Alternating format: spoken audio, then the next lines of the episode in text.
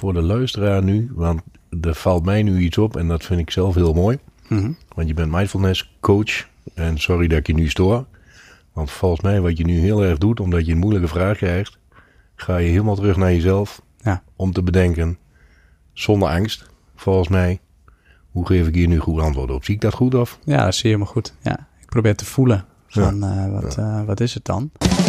Eh, hoe heb je jouw... eh, kijk, nou heb je klanten, nou heb je bedrijven waar je trainingen voor geeft. Hoe heb je dat ehm, opgebouwd?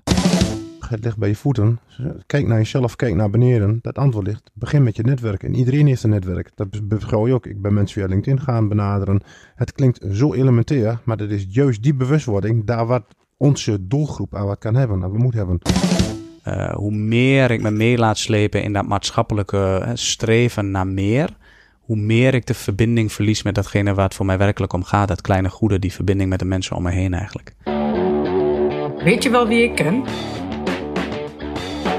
De podcast om het beste met jezelf en je netwerk te halen.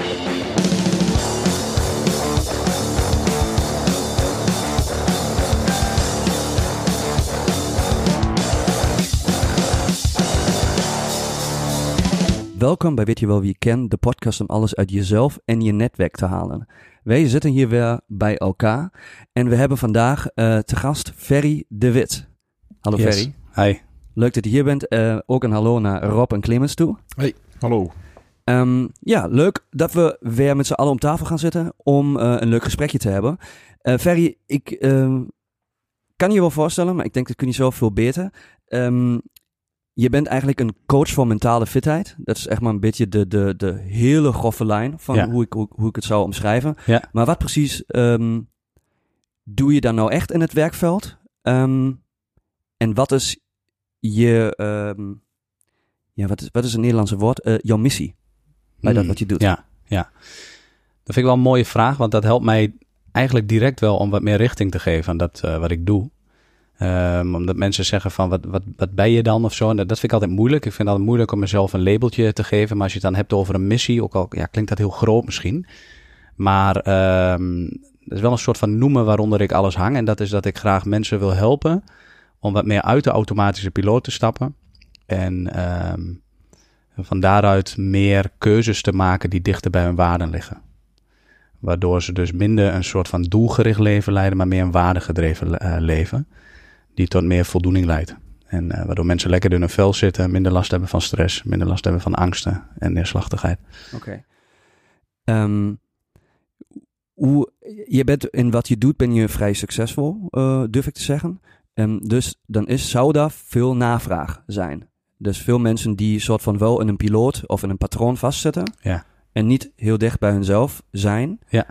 Ehm, dat is ook nog wel, wel een hele grote vraag, maar waar is daar de oorzaak voor? Ja, Ehm, ja. ja, dat, dat is een super grote vraag, maar Ja. je, kunt, je kunt het zelf een richting aangeven van... Ja. eh, Ja, vind ik, een, eh, vind ik ook weer een mooie vraag. Omdat eh, is natuurlijk ook wel iets wat ik me de afgelopen jaren heel erg heb afgevraagd. Is wat is überhaupt mijn bestaansrecht? Wa- waarom doe ik dit?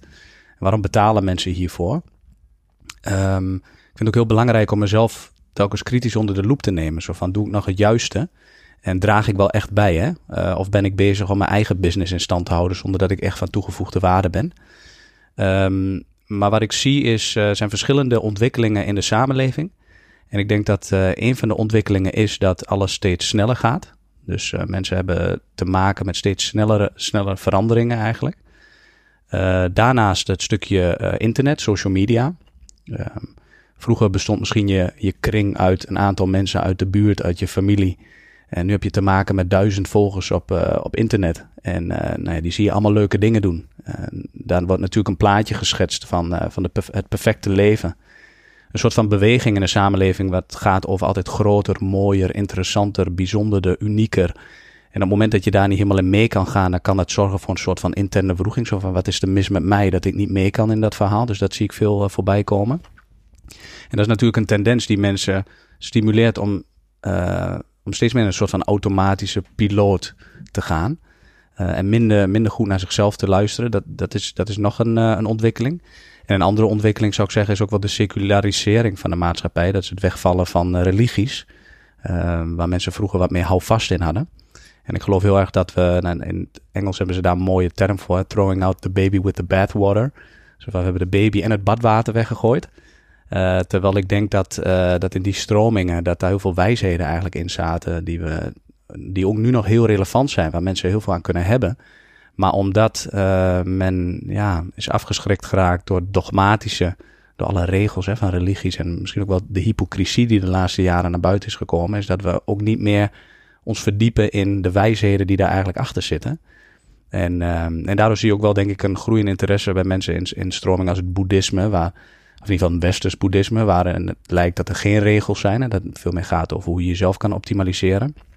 Dus mensen hebben wel een soort van, uh, ja, misschien wel spirituele pilaar nodig om, uh, om mentaal fit te blijven. De ene persoon meer dan de andere, maar uh, ik denk dat dat wel een beetje de belangrijke dingen zijn. En daarnaast heb je natuurlijk ook te maken met zaken als emancipatie. Waarbij de rolverdeling tussen man en vrouw veranderd is. En waarbij dus ja, ze allebei zich even verantwoordelijk gaan voelen voor allerlei taken, terwijl er vroeger meer een verdeling was. Dus zo zijn mensen, denk ik, uh, drukker geworden, um, streven ze meer ergens na. Um, en hebben ze daarnaast uh, wat meer een soort van fundering, zijn ze daarin kwijtgeraakt. En ik denk dat dat een van de grote redenen is dat mensen tegenwoordig zoveel last hebben van mentale klachten. Dat er dus zoveel vraag is naar de dingen die ik doe. Een stap terug, je geeft aan, uh, ik ben kritisch naar mezelf toe. Of ja. ik nog van toegevoegde waarde ben. Ja zo'n evaluatiemoment, wat bepaalt ja of nee, of dat je er zeilen bij zit? Ja, wat um, voor mij belangrijk is, allereerst is dat ik zie wat het effect voor de mensen is. Dus dat is voor mij de belangrijkste maatstaf van uh, datgene wat ik doe, hebben mensen daar wat aan? De, de, zorgt het voor uh, een, een, andere beleving eigenlijk van hun leven? Um, en er is navraag bij de mensen, is het feedback? Het is feedbackvragen inderdaad. Het is uh, ook de ontwikkeling die ik met mensen zie. Ik, ik, doe vaak trainingstrajecten. En als ik zie waar mensen mee beginnen, hoe ze erbij zitten, vaak uh, nou ja, toch wel wat zwaarmoediger. En aan het einde van de training dat ze het leven weer lichter en luchtiger zien. En uh, dat is waar het voor mij om draait eigenlijk. Zit je dan niet op de plaats van een, op de stoel van een psychiater? niet helemaal, omdat um, ik, um, voordat ik met mensen trainingen inga, heb ik altijd een voorgesprek. Waarbij ik ook aangeef van, hey, dit is wat ik doe met je. Ik uh, bied je handvatten aan om op een andere manier om te gaan met uh, situaties in je leven. Ja. Uh, als je de behoefte hebt om verder uit te wijden over het persoonlijke verhaal, over het verleden. of als ik zelf doorheb dat de problematiek waarmee je kampt zwaarder is dan die ik kan dragen. Dan denk ik niet dat ik de persoon voor jou ben. En dan zou ik je doorverwijzen naar een huisarts. Dus daar probeer ik altijd een soort van screening te maken. Wel alert dus. Ja, ik probeer er heel alert in te zijn. En soms betekent dat dat ik uiteindelijk uh, twee mensen afwijzen, maar drie mensen voor mijn training heb. En dat die training niet door kan gaan. Ja. Nou, zo so be it. Ja. Uh, en dat is aan het begin best lastig geweest, omdat je dan niet voldoende inkomsten hebt. Dus dan is de, de, ja, de verleiding aanwezig om makkelijker mensen toe te laten tot je training. Maar ik geloof heel erg in de weg van de lange adem. En dat is dat je als je het zuiver houdt, dat op lange termijn misschien gaat het niet zo snel. Maar dan komt het uh, ook wel goed. Meer stabiel. Ja, ja. Hoe lang doe je dit nu? Ja, ik ben nu vijf jaar uh, actief als, uh, als trainer, waarvan drie jaar voor mezelf. Eerst twee jaar bij een psychologenpraktijk gezeten. Ja. En ben jij, um, dat is een hele persoonlijke vraag, ingestapt ja. uh, vanuit de commerciële gedachte? Ja. Want mindfulness, dat weet iedereen nu, is uh, heel oud begrip. Ja. Maar de laatste jaren, tien jaar denk ik ongeveer, ook wel een beetje beetje een hype aan het worden. Klopt. Gevoelsmatig. Ja. Is, is natuurlijk niet zo. Um, ben je daar meer gaan liften omdat je dacht van hé, hey, dat is handig. Eh, daar kan ik ook een, een centje aan meepikken. Ja. Of zit er een veel persoonlijke reden achter uh, waarom je hebt gezegd van ik, dat hoor ik je net al zeggen, ik ja. ga mensen helpen. Wat vind je belangrijker? Ja. Ja, vind ik een hele mooie vraag. Uh, en het is natuurlijk heel makkelijk nu om te zeggen van ik, uh, ik ging niet mee op die uh, maatschappelijke tendens die er is. Hè, een commercieel, dat er een commerciële kans is. Um, maar even het eerlijke verhaal is dat ik, ik ben inmiddels 32 en toen ik 15 was kreeg ik last van, van zware paniekaanvallen. Um, en dat vond ik heel gek, want eigenlijk klopte alles in mijn leven. Ik had goede cijfers, ik was populair in de klas, ik had veel vrienden, ik was goed in sport. Dus eigenlijk een beetje een soort van, uh, ja, het perfecte plaatje leek het wel. En toen kreeg ik last uh, van paniekaanvallen en die ervoor zorgden eigenlijk dat ik, uh, ja, niet meer normaal kon functioneren. En op een gegeven moment paniekaanval bijvoorbeeld bij de bios kreeg en niet meer naar de bioscoop durfde te gaan. En van kwamen er ook depressieve klachten. En, ehm, en eh, ja, er was op dat moment was er natuurlijk totale verwarring. En via de huisarts kwam ik, eh, kwam ik bij, eh, bij een psycholoog terecht en daar gesprekken gevoerd. En daar werd eigenlijk vrij snel duidelijk dat ik ergens in mijn jeugd, inmiddels ben ik erachter hoe dat ontstaan is, maar een vrij perfectionistisch patroon heb ontwikkeld en ook eh, heel pleasant kan zijn. Hè? Dat ik belangrijk vind dat mensen me mogen. En die psycholoog zei toen van, eh was 1999 ongeveer. Ehm, nee, dat, eh, dat klopt niet helemaal. 17 jaar geleden ongeveer. Nou, iets in het begin 2000. Ja. Ehm, en toen zei hij, er is een nieuwe stroming in de psychologie, de positieve psychologie. En dit jaar vindt het eerste congres plaats in Enschede bij de UT. En eh, een van de methodes die daarbij wordt toegepast is, eh, is mindfulness. Mindfulness is al iets wat al heel lang bestaat. Hè? De, Ja. 2500 jaar geleden eh, de Boeddha en meditatie. Maar nu is het in een andere vorm, wordt het steeds meer toegepast binnen eh, een psychologische, therapeutische context. Dus kijk eens of het, of het je wat kan brengen. En dus hij gaf me wat audiobestanden mee en toen ging ik thuis op mijn kamertje oefenen. En ik, ja, ik vertelde er niemand wat over. Ik denk wel niet dat mensen denken dat ik gek ben. Toen Eh, zeker niet. Toen zeker niet, nee. Eh, mijn ouders begrepen ook geen bal van waar ik last van had. Alles ging toch goed. En ehm, ja, en op een gegeven moment eh, begon ik me te realiseren, terwijl ik me er meer in ging verdiepen, van hé, hey, weet je, je kan in je leven kun je alles voor elkaar hebben, maar als het mentaal niet klopt, dat bepaalt je beleving van het leven. Weet je wel, dat is de bril die je opzet van de wereld. En ehm, moet ik eerlijk zeggen, aan het begin hield mindfulness me meer met ontspanning, met eh, leren ontspannen. Ehm, en ehm, ik ben ook psychologie gaan studeren, omdat dus ik eh, geïnteresseerd ben geraakt in de menselijke geest. Ik denk dat is de basis van alles.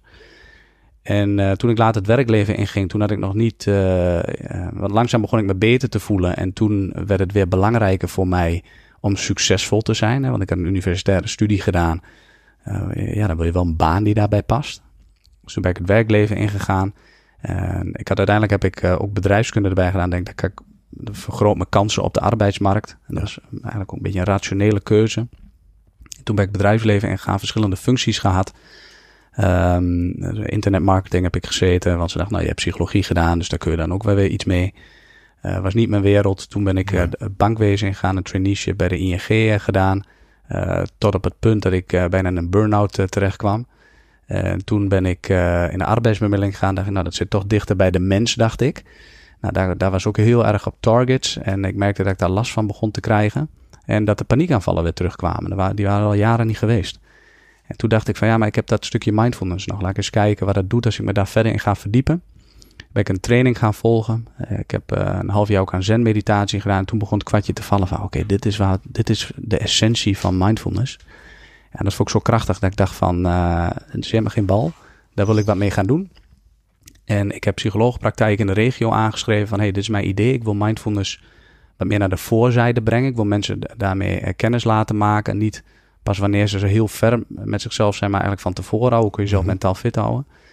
En uh, vanuit mijn netwerk, als je het over netwerken hebt, uh, kwam een vriend van mij die zegt van, ik, ken, ik heb gesproken met een psycholoog en die wordt wel warm van jouw persoonlijke verhaal en wat je daar nu mee wil gaan doen. Ga eens met haar praten.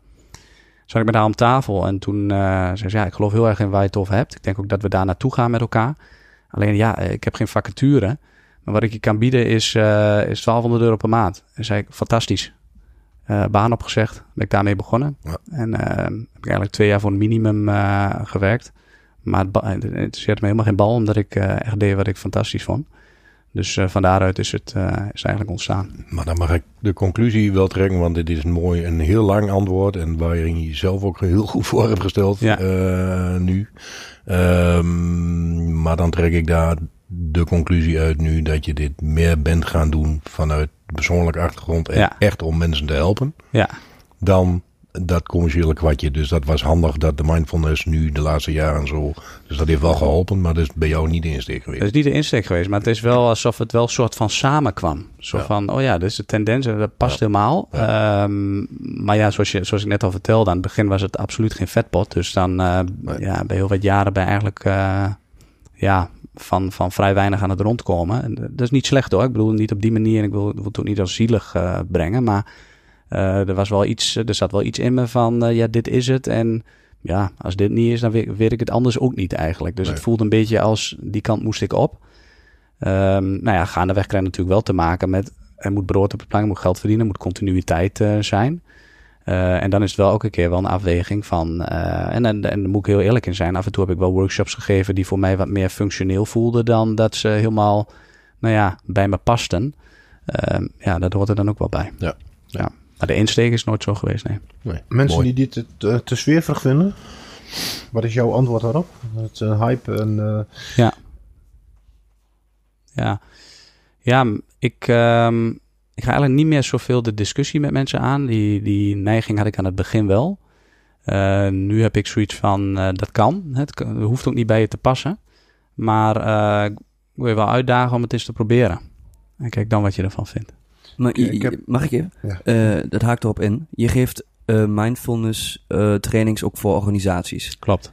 Maar zijn dat dan organisaties die aanvragen omdat ze al daarmee bezig zijn en zich echt daarin willen verdiepen? Of Ja. spreek je of train je dan ook mensen die ertussen zitten die dus het juist te zweverig vinden of, of daar geen bal van snappen?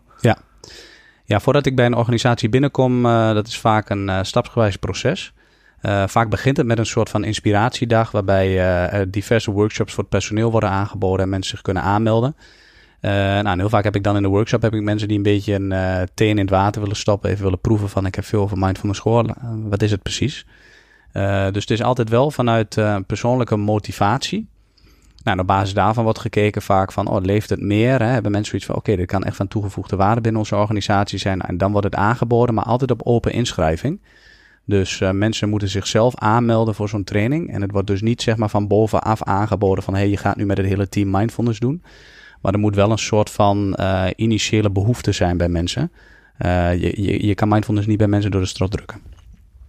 Jouw klantenbestand zonder namen te noemen, bestaat die dat uit overheid, semi-overheid, bedrijfsleven? Of particulier? Of Ja, die allemaal eigenlijk. allemaal? Ja, en ja. allemaal, wel, het is niet zo dat 1 1% is en de overheid eh, 99% of zo. Eh, de beginjaren was het, eh, zou ik zeggen, 80% particuliere markt. En eh, gaandeweg is het nu eh, 50-50 geworden. En de ambitie van mij is eigenlijk om komende jaren dat het eh, meer bedrijfsleven eh, wordt. Ja. Dus meer organisatieleven. Top. Ja, ja. Netjes, ja. Eh, hoe heb je jouw... eh, kijk, nou heb je klanten, nou heb je Mhm. bedrijven waar je trainingen voor geeft. Hoe heb je dat ehm, opgebouwd? Ja. Eigenlijk, hoe heb je... En daar draait natuurlijk ook deze podcast een beetje om. We willen graag een beetje toelichten van hoe heb je je netwerk ingezet dat je daar bent waar je nu bent. Ja. Ehm, was het iets wat misschien wat je af moest dwingen of wat vanzelf ging? Kun je daar een beetje een toelichting geven? Ja. Ik denk dat het super interessant is voor de luisteraars. om daar- Ja, zeker. Ik merk dat ik dit wel, eh, wel leuke vragen vind, omdat het mij ook weer stimuleert om even stil te staan bij eh, hoe is dat eigenlijk zo ontstaan eh, allemaal. Ehm, en hoe dat eigenlijk begonnen is, is dat. ehm, nou, ik, heb in eerste instantie dus bij een psycholoogpraktijk eh, eh, gewerkt. En daar kreeg ik ook aanwas vanuit de praktijk zelf. Eh, dus cliënten van de praktijk. Ehm, maar daarnaast wilde ik dus ook proactiever trainingen gaan aanbieden. En wat ik toen eigenlijk heb gedaan, heel simpel, is dat ik mijn, mijn LinkedIn-lijst ben afgegaan om te kijken naar mensen, en welke functies ze zaten, en die gewoon benaderd. En ehm, nou, ik had het eh, geluk, of ja, het is geen geluk, maar dat ik al een best groot eh, netwerk had. En dat had heel erg te maken met het feit dat ik, ehm, ja, ik ben best wel een outgoing persoon. Dus ik ben altijd wel veel in de stad eh, te vinden. Ik heb veel bijbaantjes gehad in mijn studietijd. Zo heb ik bijvoorbeeld ook bij een callcenter van een bank gewerkt waar, ja, ik denk drie, 400 ehm, eh, studenten uit die tijd ook werkzaam waren. Dus daar bouw je natuurlijk al netwerk op vanuit van jongs af aan. En, ehm, en dat zijn eigenlijk allemaal mensen geweest die, eh, die later ook wel mooie functies kregen. Dus, ehm, dus van daaruit had ik al een redelijk netwerk. En ik ben dus gewoon mensen gaan benaderen die in functies zaten, die eh, raakvlak hadden met datgene wat ik deed. En, ehm, nou, maar soms waren er ook mensen die niet in zulke functies waren. Dan vroeg ik van, eh ken je iemand binnen de organisatie die verantwoordelijk is voor het stukje personeel? En kan ik daar eens mee om tafel? Dus daar is het toen mee, mee begonnen. En, eh, Korte, korte tussenvraag. Ja. Heb je een premium account bij LinkedIn of gewoon een standaard account? Nee, gewoon standaard. Ja, ja. Dus eigenlijk gewoon mensen die al in mijn netwerk zaten, gewoon een berichtje gestuurd. Eh, wel vaak mensen waar ik al een soort van goed gevoel bij had. Zo van, we kennen elkaar al wel redelijk, dus die vraag ga ik wel stellen. Eh, maar maar ja, soms, ook, soms ook niet. Soms stelde ik gewoon wel de vraag, terwijl ik iemand ja, eigenlijk een beetje van de wandelgangen kende en niet heel goed. En dan gewoon kijken welke reacties er kwamen. Nou, van daaruit ontstonden de eerste dingen. En ehm, dan ga je gesprekken aan en vanuit een stukje goodwill eh, gunnen mensen je iets. Eh, mag je eens een keer wat komen doen? Mag je eens een keer een workshop komen geven? of eh, een medewerker coachen, dat soort dingen. Ehm, en daarnaast wat ook, wat ook heel belangrijk is geweest in dat stukje ontwikkeling, is dat ik, toen ik net begonnen was, leerde ik een, een, een andere trainer kennen die zich bezig hield met, met teamwork. En ehm, nou, ik, ik hou me dus meer bezig met een stukje individu.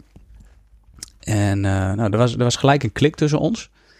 En we merkten dat we ons eh, heel erg konden vinden, allebei eh, in het stukje nou, ja, frustratie. Ik weet niet of dat helemaal het woord is, maar van wat jammer dat er zoveel mensen zijn die niet met plezier naar hun werk gaan. En de overheid was toen net begonnen met de week van de werkstress. En we hadden zoiets van, ja, vinden we wel best wel een negatieve insteek. Hoe gaaf zou het zijn om een dag van het werkplezier te kunnen organiseren? Een dag die eigenlijk volledig in teken staat van hoe je je eigen werkplezier kan stimuleren. Met lezingen, workshops, we zagen het al helemaal voor ons.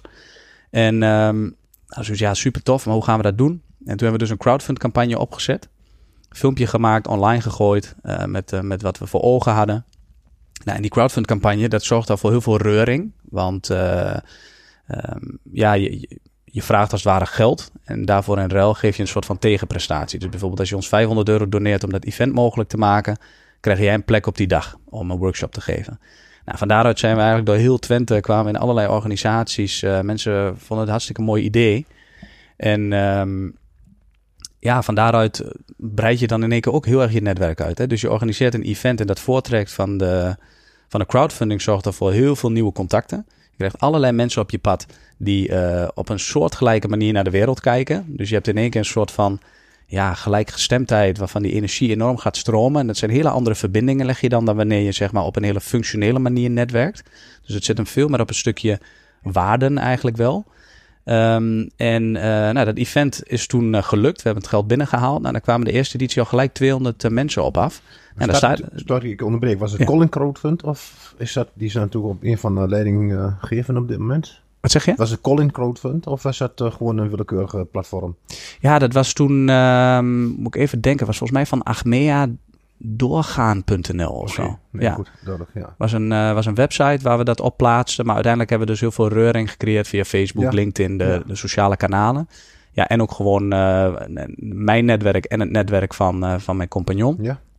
En nou ja, dat, dat, dat breidde zich steeds meer uit. Nou, en op een gegeven moment ben je dan een, iemand die een event organiseert op het gebied van persoonlijke ontwikkeling. Waar je zelf ook nog een workshop geeft. Nou, dat zorgt ook weer voor, voor allerlei exposure. Dus, uh, en dat is veel meer een, veel meer een pool effect heeft dat. Hè? Dus, dus het is minder van ik kom iets brengen of ik ben heel actief op zoek naar mensen. is het veel meer van hey, we hebben een boodschap, we hebben een verhaal. Ehm, wie, wie dat interessant vindt, die kan, die kan komen, zeg maar. Maar past dat ook niet veel meer binnen, binnen de hele mindfulness setting en beleving en mindset? Dat je, want ik hoor je net zeggen, functioneel ja. netwerken. Ja. Uh, ja, als ik functioneel netwerken hoor, dan denk ik niet aan mindfulness. Nee. In tegenstelling. Ja. Uh, helemaal niet. Want bij mindfulness zou je denken van nou, je netwerk komt vanzelf wel op je pad. Ja. Want dat is namelijk hartstikke mindful. Exact. Ja. Uh, maar je bent wel heel erg gaan sturen in het begin. Um, nou ja, ik ben bezig geweest met mezelf op de kaart te zetten. Ja. Dus van dit is wie ik ben, dit is wat ik doe, dit is mijn verhaal. En uh, ja, wie dat interessant vindt, wie daar iets denkt uit te kunnen halen, die is welkom. Die komt dan vanzelf Die wel. komt dan vanzelf al, ja, inderdaad. Ja. Maar heb je mensen geboren bij Colin Crowdfund, of bij Crowdfund, sorry? Wat ik mensen geboden ja? heb? Voor, uh, wat heb je toegezegd of wat heb je, wat voor actie was het als ik het even een actie mag benoemen? Ja, um, eigenlijk hadden we een soort van missie en dat was dat we aandacht wilden vragen voor de burn-out problematiek in Nederland. Omdat ja. dat met 1 op de 7 werkende Nederlanders last had van burn-out klachten, nu 1 op de 6 trouwens. Dus uh, nou ja, de dag heeft nog, heeft nog, niet voor gezorgd dat het uh, minder geworden is. Nee. Um, en wat we te bieden hadden waren, ja, waren een stuk of tien workshops. Die gingen over een stukje persoonlijke ontwikkeling.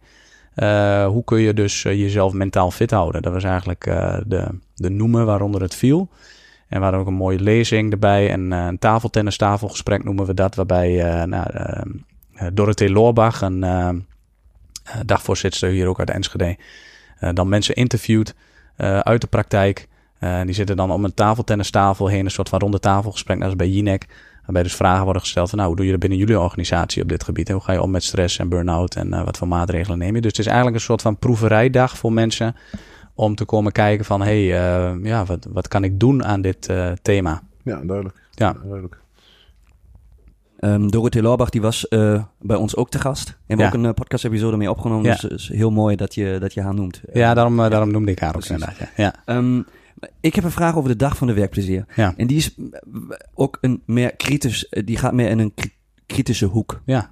Als iemand geen plezier heeft eh, aan wat hij, met wat hij doet, Mhm. is die dan niet gewoon in een verkeerde, op een verkeerde werkplek of bij een verkeerde baan terechtgekomen? Dan moet hij niet volledig iets anders gaan zoeken. Mhm. in plaats van te kijken van hoe ga ik mijn werksituatie optimeren. Ja, ja, ja. Ehm, of is dat juist ook gewoon eh, een manier van hoe je, hoe je weer gelukkiger kan worden met je werk? ja. En ik, ja, ik, ik zie het een beetje in die, in die zin een beetje zwart-wit. Ja. Als iemand niet gelukkig is met zijn werk, Zoek ja, wat anders. zoek wat anders. Ja. Ja.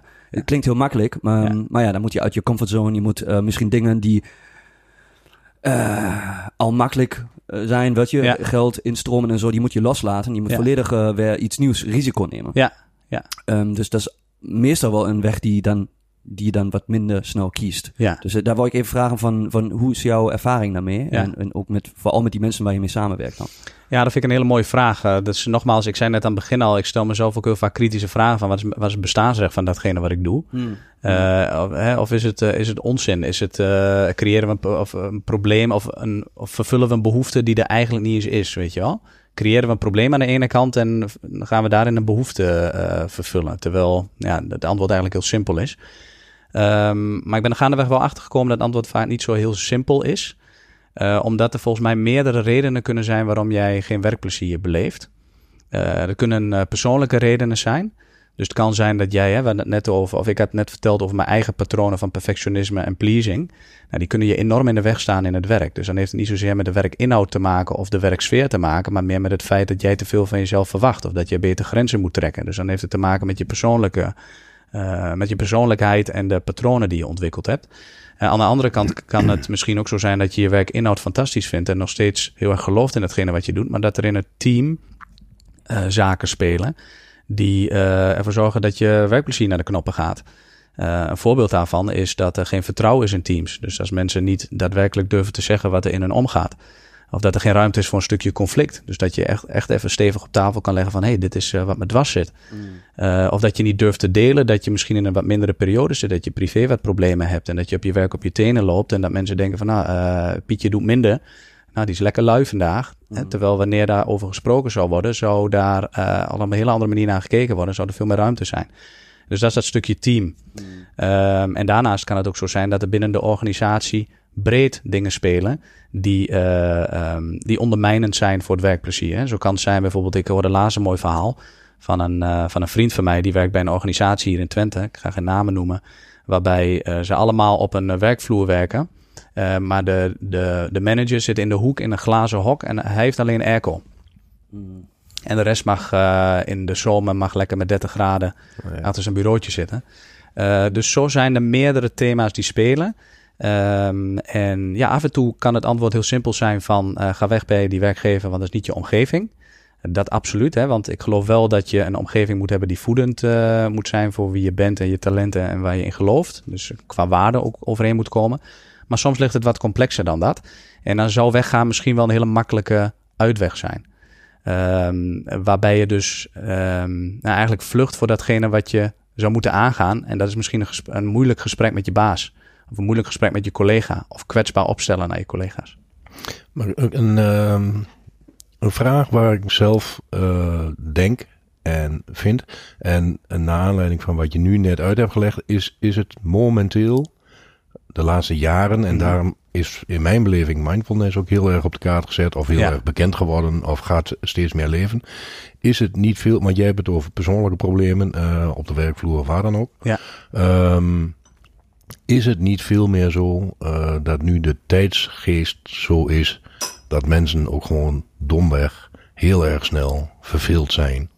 Ehm, Ja. En daardoor eh, veel meer ook terug moeten naar de basis. Ja. Is, is dat iets ehm, van de nieuwe generatie? Van dat denk ik namelijk zelf gewoon heel erg. ja. Dus zit het meer in die hoek? Is Ja. het meer tijdsgeest of is het veel meer persoonlijke problemen die er nu meer zijn dan vroeger? Ja, ja, ja, vind ik een hele mooie vraag, omdat het ook een eh, thema is. eh, ik probeer het kort te houden, maar ik zou kijken of dat lukt. Het is Ja. geen, geen ja-nee antwoord, dat snap ik wel. Maar Nee, het is geen ja-nee antwoord. Nou, wa- wat ik, eh, waar ik heel erg in geloof is, en daar kan ik het beste kan ik dat, terugbrengen. Want datgene wat je nu benoemt, hè, we hebben net gezegd individu, team, organisatie. Datgene wat je nu noemt, zou ik eh scharen onder, onder het individu.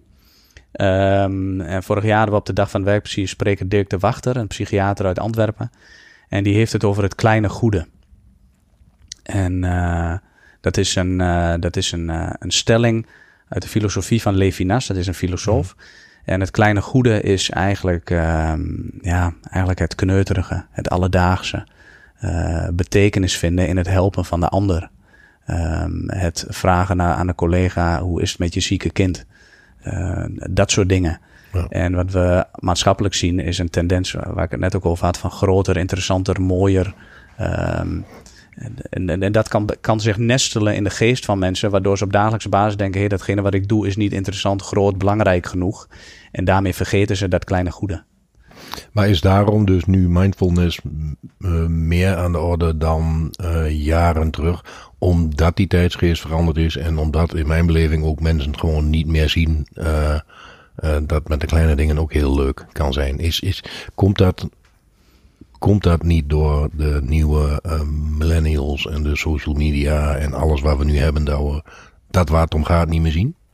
Ja, absoluut. Ja, ik denk dat dat een heel groot deel is. Eh, maar daarnaast denk ik ook gewoonweg dat we tegenwoordig veel meer aandacht hebben voor het mentale stuk. Waar vroeger iemand die eh, misschien depressief was, oh die is gek. Of, eh, nou ja, ook een voorbeeld dichter bij huis. een ehm, eh, opa van me die jaren in, op het platteland gewerkt heeft. En die nu zit thuis en die denkt van ja, ik heb, ik heb alleen maar mijn hele leven gewerkt. En eigenlijk een soort van depressief is daardoor. Ehm, daar was vroeger geen aandacht voor. Dus in zekere zin zie ik het als positief dat er meer aandacht is nu voor het mentale stuk. Maar aan de andere kant denk ik dat we eh, als mensen ook heel veel van die mentale problemen creëren. Doordat we ons mee laten slepen in al die, eh, ja, in al die ambities die we hebben. Al die grootsheden die we proberen na te streven. Al die verre reizen, al die grote dingen die we moeten doen. Ja, Een van de kernwoorden, begrippen van weet je wel wie je kent, is loyaliteit. Tenminste, dat Ja. is voor mij misschien wel het kenwoord waar alles om draait. Ja. Hoe koppel je loyaliteit aan eh, jouw business, als ik dat zo eens mag noemen? Ja, ja mooie vraag. Ehm, ja, ik zit even te denken hoe ik loyaliteit interpreteer. Ehm, want zou je iets kunnen zeggen over wat, wat je met loyaliteit bedoelt? Nou, we hebben eh, wel eens gezegd, loyaliteit is, eh, is, is geen woord, maar het is een manier van leven. Mhm. En dat vinden wij, afgeleid daarvan voor mij is respect, openheid, transparantie. Maar ik koppel dat weer terug aan loyaliteit. Dat ik gewoon zeg van, ik mis, of het ontbreekt bij vele mensen in de maatschappij hoe je Ja. terechtkomt, loyaliteit. Het is eh, de waan van de dag die regeert. Ja. Eh, Vrienden eh, vinden elkaar leuk. Nou ja, goed, we hebben net over een race verteld. Ja. Er zijn mensen die elkaar omarmen en of we zijn de liefste en de beste. En het is hartstikke mooi en wat een Ja. feest. En een reunie komt er niet van. Nee, Dat is zo kort door de bocht dat ik denk, Ja. ik steek zo anders in elkaar. Dat ik denk van ja goed, zeg maar, ehm, en daarom zeg ik loyaliteit en respect komt dus met name de eh, voor. Die dus aangeven of aan kunnen geven, je bent er voor elkaar, je kunt er elkaar op terugvallen, je hoeft elkaar niet elke dag te spreken. Maar als er wat is, Ja. je spreekt het uit, dan sta je er ook voor. Maar Ja. je wordt ook op afgerekend als je het niet doet. Ja. Dus dan heb je wel dat soort confronteren of kritische gesprekken. ja, mooi. Wie je automatisch hebt. Dus ja, dat is wel heel direct. En niet iedereen kan het tegen. Misschien moet je een bepaalde leeftijd voor bereiken. Mm, Want ja, wat, nu je nu praat, zo praat ik 20 jaar geleden ook niet. En misschien praat ik over 20 jaar wel heel veel anders. Vandaar dat ik ook zeg, loyaliteit is een kernbegrip voor ons. Meer voor mij, maar goed, die ook wel bij de heren raakvlakken Ja. heeft. En aan jouw mindfulness, aan jouw business, als ik het dan zo even oneerlijk mag noemen. Hoe wil je dat koppelen aan elkaar? Of kun je dat niet koppelen? Ja, ik, ehm, ik, eh, ga, ja, ik ben even aan het nadenken hoe ik dat koppel, vanuit welke hoek ik dat koppel. Nou, de eerste koppeling die ik sowieso kan maken is dat je zegt, hè, alles is steeds oppervlakkiger, vluchtiger geworden. Ehm, en eh, door, door misschien wel die automatische piloot waar we in zitten, hè, door, dat, door dat najagen. Ehm, en dat ja, eigenlijk, als ik het heel klein moet maken, eh, zou ik zeggen dat mindfulness, eh, want het gaat heel erg om met aandacht de dingen te doen. Hè? Kijk eens of je eh, je tomaat met aandacht kan snijden. Dus dan ga je eigenlijk al wel heel snel terug naar die kleine dingetjes. Dus ik denk dat de interesse in mindfulness met name zo groot is, omdat mensen die behoefte voelen aan die kleine dingen, ehm, die aandacht, dat persoonlijke, eh, die verbinding met elkaar. Ehm, ja, en, en dan raak je volgens mij heel erg aan dat stukje lo- loyaliteit. Omdat op het moment dat je op een ander niveau met mensen verbindt, dan kun je ook duurzamer verbinden. Dan gaat het niet over van, eh, ja, weet ik veel, eh, we gaan samen een festival pakken. Maar dan gaat het meer over dat je met elkaar plaatsneemt op de bank en zegt van, hoe is het met je? Ja. Ehm, Het gaat het niet over de pakiet, denk ik. Nee. ja, ja hoe is met je? En, ehm, en ik, denk, ik denk dat dat een soort van eh, behoefte is die heel breed leven van mensen heel erg behoefte aan hebben. Van, eh, weet je, ik, cut the crap. Maar is het bij eh, mindfulness niet, niet heel erg zo dat je, als je het dan over loyaliteit hebt, dat in eerste instantie de loyaliteit naar jezelf toe het allerbelangrijkste ja, is. ja. En dat het mooi meegenomen is als je daarom een, een clubje mensen om je heen krijgt die, die datzelfde vinden. Ja, ja. Maak je dat zelf veel meer dat jij in jouw vrienden, kennis en kring een loyale vrienden, kennis en kring hebt? Of denk je van nou, het is allemaal wat vluchtig? Ja, dat vind ik, eh, vind ik mooi dat je dat zegt. Want als ik eh, kijk, ik heb een vriendengroep waar ik vanaf mijn eh, veertiende mee omga. Dus dat is ja, inmiddels bijna de helft van mijn leven. Ehm, en ik merk dat ik een beetje wars ben van oppervlakkige contacten. Zo heb ik bijvoorbeeld ook veel reizen gemaakt, ook naar Azië. En daar zie je ook een soort van backpackerscultuur, waarbij eh, iedereen elkaars vriend is. En aan de ene kant vond ik dat een mooi element, zo van hé, hey, internationaal, we kunnen heel snel met elkaar verbinden. Aan de andere kant merkte ik ook dat er heel veel jongeren waren die, ehm, ja, die continu in dat leven zaten. En eigenlijk geen, eh, geen solide basis eh, meer hadden.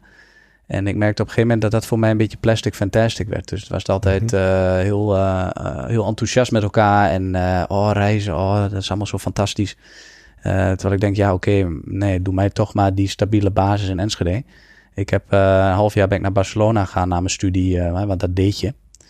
Ja. Met vrienden daar gaan wonen en en dan ging ik uit naar clubs en dan moest ik bepaalde schoenen aantrekken. En op een gegeven moment dacht ik van nee, daar heb ik geen zin meer en ik trek gewoon mijn lazen aan.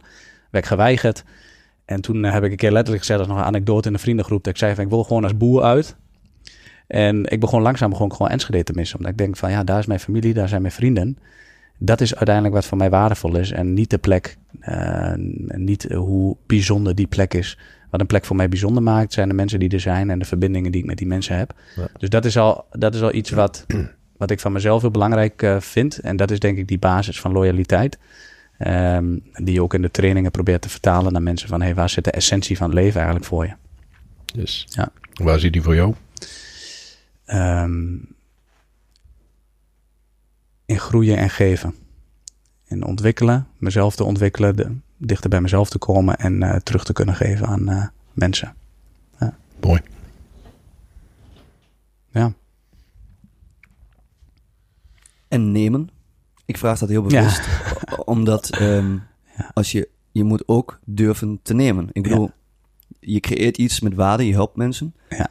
Ik vind daar mag je ook wat voor terugvragen. Ja, Ik vind dat altijd toch wel een belangrijke, toch? Of, Zeker. Ben je, daar, ben je daarmee bezig? Of is het iets van, dat komt dan automatisch daarbij dat je ook wat terugkrijgt als je geeft? Of, ehm, ja. Ja, het is, eh, het is enerzijds is het een natuurlijk proces. Door het geven van trainingen leer ik ook elke keer weer bij. Hou ik mezelf scherp. Eh, dus eh, je krijg ik automatisch.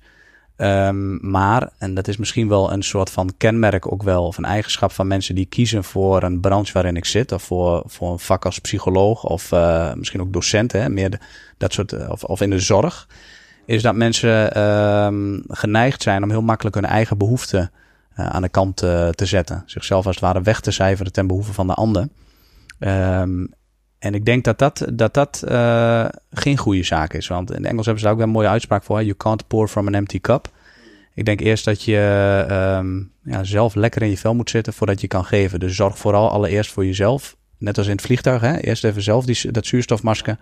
Voordat je een dan pas kun je echt geven, denk ik. Dus eh, ik denk dat het begint met wat heb je zelf nodig. En daarna kun je eh, zorgen voor de ander. ik maak het nog iets meer specifiek eh, als je het geldplaatje daaraan vastkoppelt. ja. Ehm, geef je een voorbeeld. Ehm, in Duitsland geef ik ehm, steeds meer ook van podcast, workshops en presentaties en zo. Ja. Nou, dan krijg je, als je dat doet, eh, ook meer aanvragen. Als je het goed doet, eh, begint het balletje te rollen. Ja. Maar dan komen ook mensen die willen zomaar adviseerd worden. Ja. En dat beperkt je wel in je tijd. En de agenda is druk. En dan moet je keuzes gaan maken. Ja. En dan zit er op een gegeven moment, zet ik daar gewoon een prijskaartje aan vast. Ja. Als je adviseerd wil worden. Want anders raak ik tijd kwijt. ehm, die ik eh, ook in andere dingen kan eh, investeren. Ja. Dus, ehm, en dat bedoel ik ook met nemen. Eh, hoe belangrijk is dan in die zin geld voor jou? Is dat Mhm. iets wat gewoon, het stroomt automatisch als je dingen goed doet? Of ben je daar ook bewust mee, mee bezig? Ben je daar ook mindful mee bezig? Ja, ja. En ik, ik, ik vraag dat omdat ehm, alles wat... ehm, kijk, jij, jij bent ook vrij rationeel. Dus Ja. daarom ben ik daar benieuwd naar. Want je hebt ook, eh, tenminste in, in die spirituele wereld... eh, Ja. ook vaak mensen eh, zitten waar geld geen thema is. Mhm. Geld is en ik vind, Ja, precies. Ja. En ik vind daar moet kun je wel over hebben, zeg maar. Ja, ik ben ook begonnen met een beetje de, het gevoel: geld is niet belangrijk, geld is vies. Ehm, maar op een gegeven moment kwam ik erachter dat het eigenlijk nergens op sloeg. Want uiteindelijk, hè, als je het hebt over voor jezelf zorgen. als bij jou de schoorsteen niet kan roken, ja, waar ben je dan mee bezig, weet je wel? Eh, dan ben je misschien een hele barmhartige persoon, maar eh, eh, zonder dak boven je hoofd, zeg maar. Het heel extreem doortrekt. Ja. Ehm, gaandeweg ben ik er steeds meer achter gekomen dat geld eigenlijk ook gewoon energie is. Eh, en als je goede dingen doet, dan stroomt de energie wel naar je toe. Als je de dingen vanuit de juiste intenties doet. Als je de dingen vanuit een stukje loyaliteit en betrouwbaarheid en duurzaamheid doet. Ehm, en ik heb gekozen voor een weg van de lange adem. En dat was aan het begin was dat niet altijd even makkelijk. Hmm. Maar ik merk wel dat gaandeweg het geld binnenkomt. En ik merk dat ik daar een soort van grens in heb. Zo van, hé, hey, dit is geld. Eh, hiervan kan ik prima leven. Hmm. Ehm, en hiervan kan ik ook een stukje eh, voor de toekomst eh, kan ik, kan ik wegzetten. Voor het geval dat ik uitval. Je weet maar nooit met je gezondheid. Dus daar, daar zijn gewoon bepaalde basisdingen. Maar ik merk op, op het moment dat dat gedekt is, dat ik niet meer met geld bezig ben. Dus het is voor mij een stukje eh, eh, basisbehoeften eh, afdekken. Gewoon om het leven te leiden waarin ik mij goed voel. Ehm, en, en, en daarna valt het dan weg in mijn hoofd, zeg maar. Mhm. Eh, dus het, ja, op die manier. Oké. Clemens, wat denk je hierover? Ik vraag je bewust, omdat jij, jij bent gewoon, gewoon ook veel met geld bezig. Dus eh, Geld nastreven is eh, geen schande in Nederland of in de Westers-Europese eh, maatschappij. Ja. Maar ja, waar begint de een wordt de ander op? Ik hoor jou het zeggen. Ja, ik geld aan het begin eh, komt naar je toe. En op een gegeven moment ben ik het kwijt, zeg jij. Als ik het eh, heel kort door de bocht mag aanhalen. Ja. Dat kun je niet koppelen aan een bedrag. Maar waar begint het als jij je basisbehoeften hebt voorzien? Ja. Met een mooie auto en met enzovoort. Ehm, laat je het dan gaan? Of zeg je nee, ik heb een auto of een huis of koopwoning of dat heb ik bereikt en ik laat het dan gaan? Of is dat de stand van de bankrekening dat je het kunt laten gaan? Dat is voor mij minder tastbaar. in- Wanneer in laat ik het gaan? Ja, wanneer laat Ja. je het geld gaan? Ja. Ja, voor mij, eh, ik heb dan misschien het geluk, ik weet niet of het geluk is, of misschien de ervaring die ik op jonge leeftijd had, de paniekaanvallen waar ik het over had, waardoor ik heel snel een soort van, ja, eigenlijk gedwongen werd om te kijken naar wat de essentie van mijn leven is, wat draait Ja. het werkelijk om. Ehm, dat ik daarnaast ehm, ja, eigenlijk niet heel veel behoeften heb als in, ehm, in materiële zin. Ik vind kleding nog wel leuk. Ik hou er wel van om, om te reizen en andere culturen te zien. Maar ik heb gemerkt, dat moet ik ook niet te vaak doen. Dus als ik twee keer per jaar weg kan, vind ik dat al, vind ik dat al luxe. Vind ik dat al hartstikke mooi. Ik, ik heb een woning waar ik in woon, waar ik tevreden over ben. Een auto, nou, zou wel iets groter mogen, omdat ik wat meer op de snelweg zit. Ik rijd een Fiat Panda. Ehm, maar goed, de slag hierna zou ik zeggen, een, eh, als je het hebt over een Volkswagen Polo-klasse, zou ik zeggen. Nou, da- dan zijn ongeveer wel mijn behoeften bevredigd. En dan heb ik geen streven meer naar, ik moet een groter huis of ik moet een grotere auto of ik moet... Dan, dan kan ik het met dat geld redden. Blijft dat zo of is het ouder worden, meer verdienen, grotere woning, grotere auto, grotere behoeften? Dat Ja. zie je natuurlijk, dat is wel vaak een eh, next, eh, next, eh, Ja. Next ding, laat ik zo zeggen, volgende Ja. stap. Ja, dat is de valkuil denk ik ook eh, die heel, eh, heel verleidelijk is. En waar ik natuurlijk af en toe ook wel gevoelig voor kan zijn. Hè? Als je in je omgeving, voor je vriendenkring kijkt die bepaalde stappen zetten. eh, dan is het, word je continu uitgedaagd om bij jezelf te kunnen blijven. Ehm, ja, ik ben nu nog alleen, ik heb geen kinderen. Dus dat gaat natuurlijk ook een, of zou ook een verschil maken. Ehm, maar ik merk dat ik bij met name grote keuzes die ik maak, elke keer bij mezelf naga. ehm, nou, misschien kan ik het anders uitleggen, dan is het nog mooi. Ik maak altijd een soort van balans op tussen welzijn en geld. Op het moment dat ik te veel geld nastreef, dan gaat het ten koste van mijn welzijn. Op het moment dat ik alleen welzijn nastreef, ja, dan kan de schoorsteen niet roken. Nee. En ik merk bij mezelf dat eh, ja, ik, ik wel voel wanneer ik een keuze maak op basis van geld of een keuze maak op basis van welzijn. Ehm, en dan kies ik voor dat stukje welzijn op dat moment. Want ik heb het er niet voor over om grootser dingen na te streven, terwijl ik dan niet meer lekker in mijn vel zit. En ik merk ook, dat ik het vorige week nog met een vriend over, dat eh, hoe meer ik me mee laat slepen in dat maatschappelijke streven naar meer, hoe meer ik de verbinding verlies met datgene waar het voor mij werkelijk om gaat. Dat kleine goede, die verbinding met de mensen om me heen eigenlijk. En die trade-off, die, die, die, ja, daar ben ik me continu heel bewust van. En ehm, eh, ja, en tot nu toe kan ik mezelf daar vrij goed ook bij houden.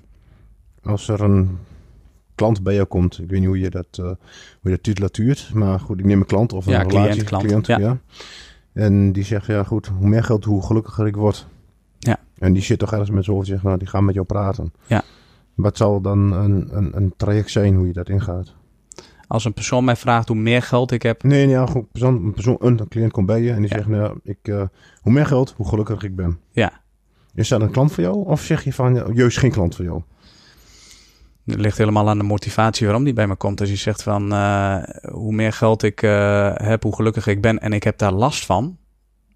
Nou, ik heb er last van dat ik niet wil bereiken met wat ik, eh, de stand van bankrekening is te laag en zien waar ik wil staan. Ja, Oftewel het winstbejag. ja, ja, en dan heb je het over een zakelijke klant die bij mij komt en die dan bijvoorbeeld de vraag stelt: eh, kun je hier trainingen geven Ja. zodat het geld. eh, Stroomt. Ja. Energie is, is geld, dus dat Ja. komt- moet naar mij toe komen. ja, ik heb, ik heb, ja, ik heb het eerste jaar dat ik actief was, heb ik zo'n vraag gekregen: kun je mijn sales team trainen met mindfulness zodat ze lekker in een vel zitten en meer geld binnenkomt? Dan zei ik: dat doe ik niet.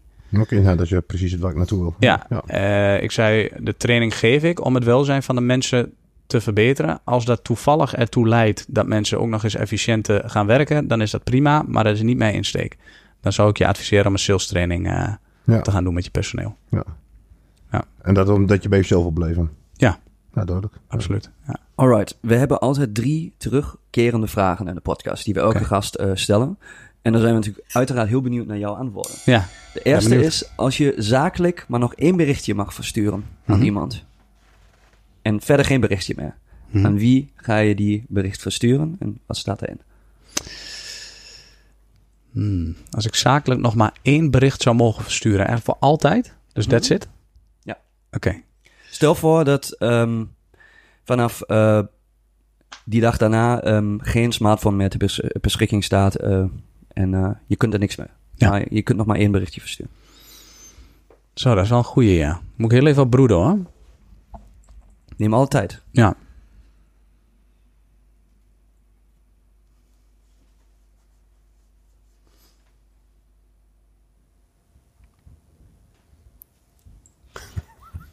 Ja, dat is ook echt een hele harde vraag, zeg maar. ja.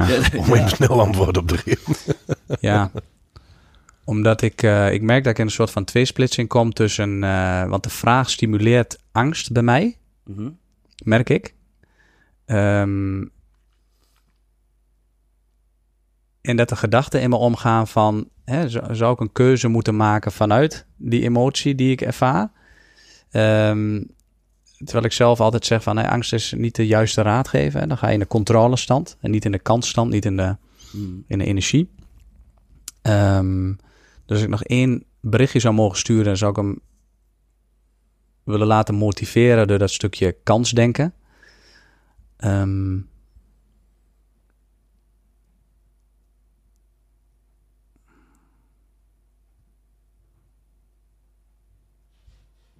Dan wil ik voor de luisteraar nu, want er valt mij nu iets op en dat vind ik zelf heel mooi. mhm. Want je bent mindfulness coach en sorry dat ik je nu stoor.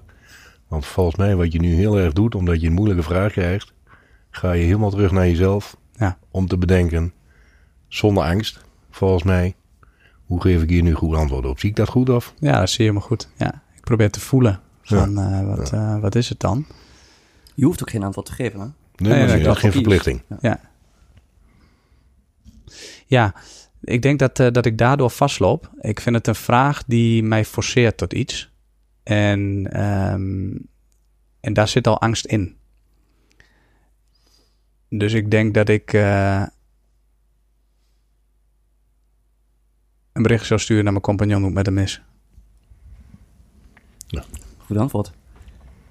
Ja. Ik zou zeggen, gaan we door naar de volgende. Wat is de beste zakelijke tip die je eh, onder, een ondernemer kunt geven? Maakt niet uit of die startend is of reeds gevestigd.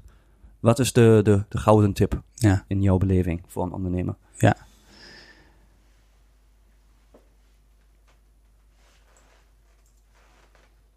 Heb helder waarom je doet wat je doet. En durf van daaruit jezelf op een kwetsbare manier te laten zien. Cool. Ja. Mooi dat je hier ook juist bij die drie vragen een hele korte en ook, ook gebruik je een beetje tijd om na te denken, korte Mhm. krachtige antwoorden hebt. De laatste is hoe eindigt jouw zakelijk bestaan? Of hoe zie je jezelf voor je op je pensioengerechtigde leeftijd, als die er dan nog is, zeg maar.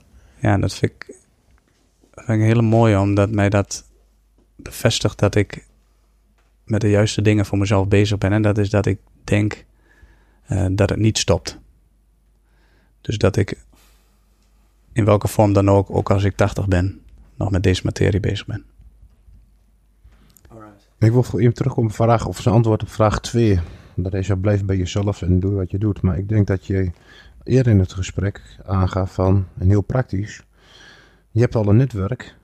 Sinds jouw 15 en 16 ben je een netwerk aan het bouwen. Je hebt daar gewerkt als student, je hebt trainees gedaan.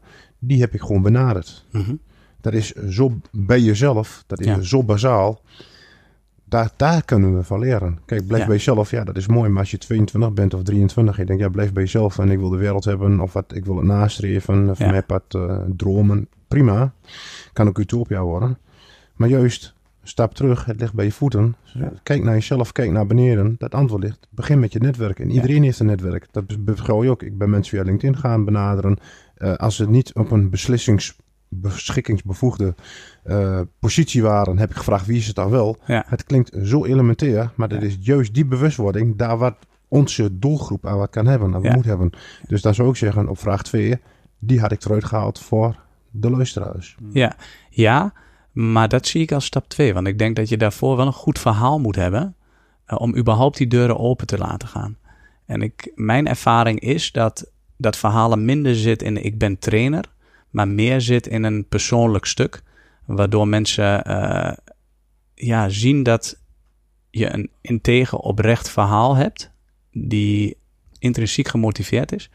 En ik denk dat dat de deuren veel makkelijker nog open laat gaan dan wanneer je eh, aanklopt in je netwerk die inderdaad al bij je voeten ligt, maar van hey, ik geef eh, trainingen, kan ik eens in gesprek gaan met je personeelsfunctionaris? Dat telt voor jouw business, dus aanhalingstekens. Maar het kan natuurlijk heel, heel normaal zijn om te zeggen: ik heb hier een product, ik vraag er een, e- eh, ik vraag er een eh, prijs E voor. Ja. Ik ben daarmee goedkoper of net iets duurder, maar ik heb meer kwaliteit in ervoor. Ja, Dat hoeft natuurlijk weinig met persoonlijkheid te maken te hebben. Vandaar dat het door, doordenken daar naartoe, in het netwerk kan het wel zijn van, ik snap jou als ondernemer in jouw business, maar anderzijds kan het ook zeggen van, kijk naar je netwerk, wees bewust van je netwerk, sluit aan bij deze podcast en maak dan de volgende stap. Je netwerk ligt bij je voeten en Ja. schrijf gewoon aan. Dus, maar dat kan Ja. dus, ik snap jouw, jouw beleving hierin. Ja. Eh, andere business kan andere zeker. uitgangspunten hebben. Dus Zeker. even, En dan nog geloof ik wel dat, ehm, want we hadden het eerder ook over functioneel netwerken. Ehm, ik geloof dat het begint met de persoonlijke klik en dat van daaruit je zaken met een ander kan doen. Die mening delen wij niet, maar dat snap ik. Ik snap jou eh, hoe je dat bedoelt. Ja. ja. Ja. Maar even op jouw voorbeeld terug te komen. Ook als je een product hebt, ehm, is het altijd goed om een verhaal bij je product te hebben. Want dat blijft gewoon hangen. Dus eigenlijk met elk product wat je hebt, of het fys- een fysiek product is of een dienstverlening, een verhaal daaromheen is altijd goed. Ik zou je een voorbeeld geven. Een Ja. relatie van mij, een hele goede relatie, privé of zakelijk, haalt een product uit een, uit een ander land buiten Europa. Dat wordt in januari hier op de markt gezet. En dat is, daar is straks zoveel vraag naar als het goed is. Dat moet natuurlijk nog, eh, dat moet zich nog uitwijzen. Of je het wel of geen aardige persoonlijkheid hebt. Het verhaal is gewoon, het wordt opgelegd van overheidswegen, door milieu, noem het allemaal op, door regelgeving, wetgeving wordt, wordt opgelegd, dat het het antwoord is op de vraag voor wet, regelgeving, PFAS, alles wat je hoort, stikstof. Het kan leiden tot. Mhm. Of je elkaar wel of niet mag, is niet interessant in deze, want het wordt van overheidswegen opgelegd, hij heeft een antwoord erop, dus ze moeten er wel. Dat is een heel andere benadering dan in dit geval mindfulness. En het is meer, misschien keihard, het van overheidswegen heeft hij een antwoord op een vraag. Dan is het gewoon pure business. Ik bedoel, dan is het per kilo of per zak, hoe je het ook wilt noemen. Dat is een andere benadering. De vraag komt bij hem in plaats van hij heeft een antwoord op de vraag. Dus hij brengt op de markt. En of je elkaar wel of niet mag, Ja. de vraag is er al. Dus dat is ook een stukje. Vandaar dat ik hem even, ja, je klinkt een beetje, je kijkt een beetje, eh, Nee, nee, nee. Ik Nee, vind nee. het mooi. Ik vind ja. het mooi. Dus vandaar even die Ja, ja. interactie daarop. Ja. Ja. En die- dat is precies dat wat we hier willen hebben. Ja, wat ik gaaf vind is, eh, en eh, daar wilde ik net ook al noemen hoor, misschien zit dat ook wel in dat stukje generatie of zo. Hè, van, eh, ik ben 32 dus, generatie I, die altijd op zoek zijn naar, de, ook, er wordt ook altijd gesproken over een stukje purpose en zingeving in het werk en, en dat soort hele grote thema's. Ja. Maar een vriend van mij zei laatst, van, ja, kom, maar- kom maar eens bij mij op de werkvloer. Er zitten een aantal dames die al 20 jaar gewoon Excel-sheets invullen en inkloppen en die weten niet eens wat ze doen. Ehm, even met de poot op de grond, Ja. inderdaad. Ehm, ik ben me heel erg bewust van ehm, dat, eh, dat je misschien, wanneer je in een soort van persoonlijke ontwikkelingsbranche actief bent, dat je af en toe een soort van utopie kan eh, leven. En af en toe moet je gewoon even de, de mouwen opstroken, moeten ook dingen gebeuren. Eh, maar toch geloof ik wel dat ten behoeve van het werkplezier, dat het altijd een mix moet zijn tussen, en dat er wel een intrinsiek deel in je zit die mooi vindt wat hij doet, en een functioneel stuk. Duidelijk. Wat is jouw grootste doelgroep eh, volgens jouzelf? Zit dat bij eh, de leeftijd eh, van nu 30 tot ouder? Of zit dat ook weer, noemde ik net ook al, bij de nieuwe millennials? Eh, is, is dat jouw toekomstige doelgroep? Of denk je van dat gaat volledig aan ze voorbij? Ja, als ik kijk even heel eh, praktisch naar de mensen die op mijn trainingen afkomen, dan zou ik zeggen dat dat eh, voornamelijk mensen zijn tussen de 30 en 50.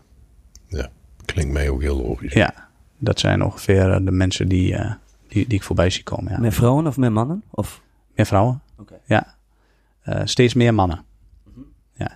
Analyseer je je doelgroep ook een beetje? Want je bent natuurlijk ook eh, online aanwezig. Mhm. Ik bedoel, je hebt al eerder gezegd, je, je hebt crowdfunding gedaan. Je hebt eh, mensen via LinkedIn benaderd. Ja. Eh, je hebt ook een blog, Ja. bananatree.nl, toch? Ja, dat is de website. Ja. Ja, en ehm, ga je daar ook dingen tracken? Ga je data bekijken een beetje van visitors? Nou ja, je hebt natuurlijk altijd die, die, die data-regelings... eh, De AVG bedoel je? Ja, Ja, ja, precies. ja. Maar ga, je, ga je alsnog die dingen analyseren? Dus ga je analyseren wie je volgt en, en ga je ook... Doe je daar wat mee? Ik ontvang eh, elke maand eh, vanuit mijn webbouwen ontvang ik een, eh, een rapport vanuit Google Analytics over aantal bezoekers op de websites, conversies, dat soort dingen. En ja, ondanks dat ik zelf in de marketing actief ben geweest, ik, ik kijk daar eigenlijk helemaal niet naar. Ehm, ik merk dat mijn natuurlijke energie en interesse veel meer uitgaat naar het eh, persoonlijke gesprek aan tafel. Dus eh, gewoon bij mensen aan tafel komen en op basis daarvan samenwerkingen aangaan. Kan het jou niet helpen, al die eh, analytics, ehm, om beter te sturen? Of staat het jou juist in de weg als je weet wat jouw cijfers en jouw kliks en jouw volgers allemaal doen? Ja, in theorie zou het mij kunnen helpen. En ik weet ook dat het, hè, kijkend naar, als je, als je het dan hebt over, over uitbreiding en groei, kan het zeker helpen. Alleen merk ik dat daar niet mijn natuurlijke energie naartoe gaat, waardoor ik er eerder koppijn van krijg dan dat ik er blij van word. Dus staat het je in de weg. Dus staat hem in de weg, ja. Ja, heel interessant. Ehm, ik zou eh, deze ronde ehm, naar een eind... ehm, hoe zeg je dat in Nederland? Willen voeren, brengen. Willen voeren, willen brengen. Zo ja, soms... soms Langzaam willen eindigen. Langzaam richting de afsluiting willen gaan. Een eind aan breiden. Ja. Stop. Ophouden met. Kijk, soms, soms hoor je gewoon dat hier een Duitser voor de, voor de, voor de microfoon zit. Ik vind het wel mooi.